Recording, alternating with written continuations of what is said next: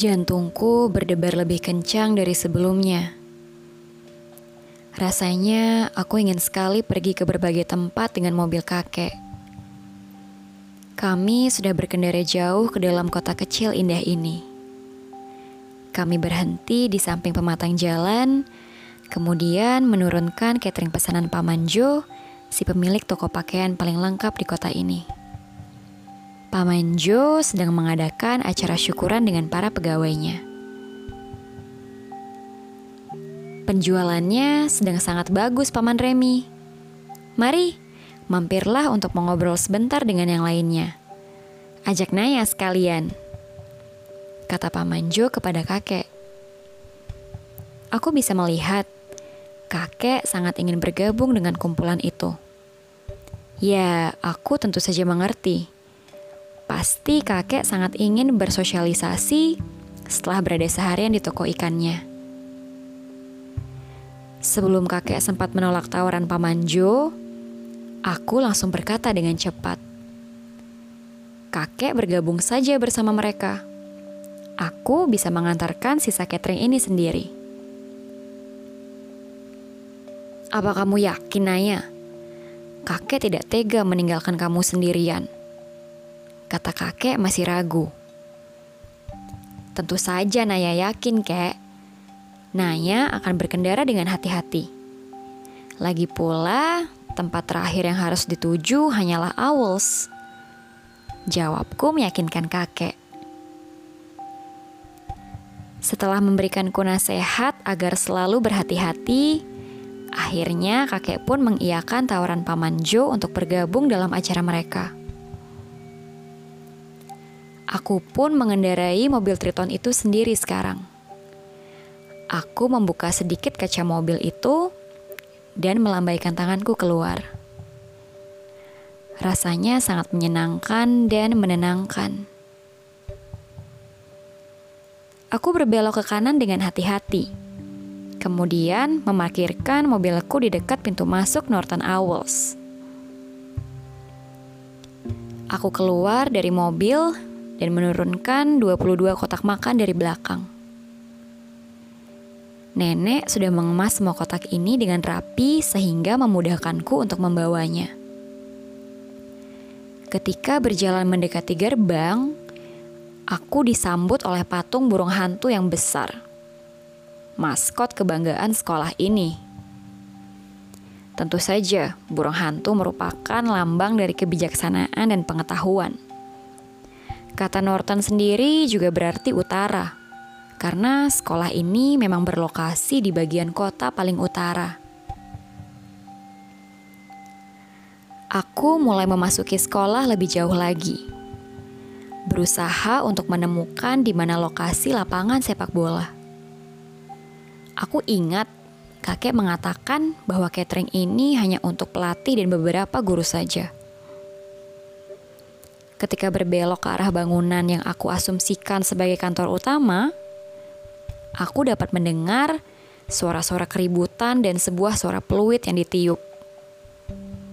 Pasti mereka sudah memulai pertandingan untuk seleksi anggota tim sepak bola yang baru.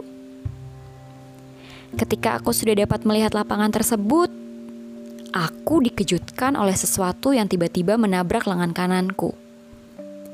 Aku hampir kehilangan keseimbangan tetapi berhasil meraih kembali peganganku kepada kotak-kotak makanan itu. Aku menoleh dengan cepat ke arah seorang anak laki-laki yang berlari dengan cepat ke arah lapangan. Dia bahkan tidak meminta maaf ataupun sekedar menoleh ke arahku. Dia hanya berlari makin kencang memasuki lapangan. Aku sudah hampir memaki ke arah anak laki-laki itu tetapi kuurungkan karena tidak ada gunanya. Dia sudah masuk ke dalam lapangan dan mulai bermain bola. Aku menarik nafas perlahan, kemudian kembali berjalan ke arah seorang pengajar muda wanita yang sepertinya bukan seorang guru olahraga. Halo, saya Naya. Saya membawakan catering dari nenek Naura dan kakek Remi kataku kepada wanita itu. Dari pakaiannya, Sepertinya dia adalah guru yang bertanggung jawab tentang medis. Ah, makanannya sudah di sini ternyata. 22 kotak, benar kan nak? Tanya wanita itu kepadaku. Betul, semuanya ada 22 kotak untuk para pengajar. Kataku sambil meletakkan semua kotak makan itu di atas meja kosong yang berada di belakang wanita itu. Um, sebenarnya makanan itu akan dibagikan kepada tim sepak bola inti yang lama. Banyak pengajar yang tidak hadir hari ini. Jadi daripada makanan itu terbuang, kita bagikan saja kepada mereka. Kita. Apa maksud wanita ini dengan kita? Apa dia ingin aku membantunya membagikan makanan ini? Uh, maaf, tapi saya belum bersekolah di sini kataku berusaha menjelaskan.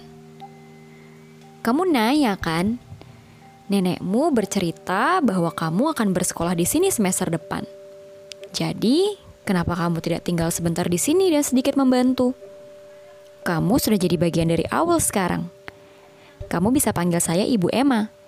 Saya adalah guru sejarah dan pendamping PMR di sekolah ini. Anggap saja saya teman pertamamu, oke? Okay? Hebat. Setelah sekian lama tidak punya teman, dan sekarang teman pertamaku adalah seorang guru sejarah. Aku hanya menjawabnya dengan anggukan karena aku tidak benar-benar tahu harus menjawab apa. Akhirnya, aku pun duduk menunggu pertandingan pertama selesai sebelum bisa membagikan makanan-makanan ini.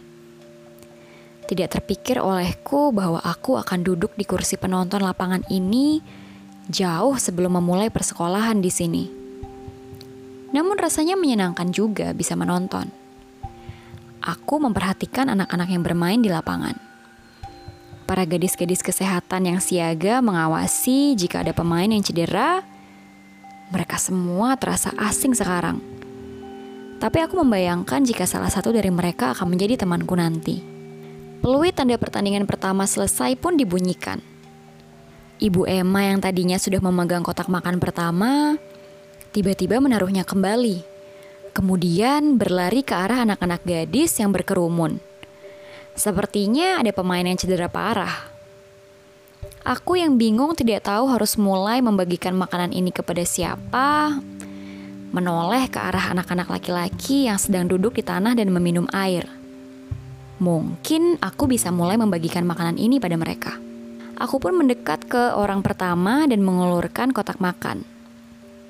Namun gerakanku dihentikan oleh sebuah suara yang berkata, Makanan itu untuk para senior.